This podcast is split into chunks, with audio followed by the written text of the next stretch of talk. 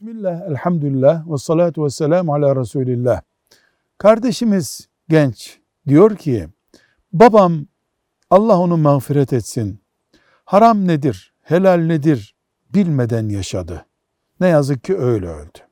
Herhalde Müslümandı diyebileceğim kadar kötü bir hayatı vardı.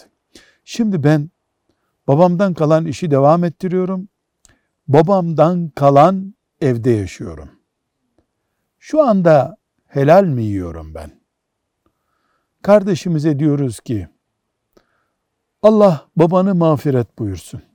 Madem iman umudu var ona mağfiret duası yap. Allah onu mağfiret etsin de. Sen şimdi helale, harama dikkat et. Haramdan uzak dur. İnşallah babandan sana kalan da senin haram yeme sebebin değildir. Velhamdülillahi Rabbil Alemin. you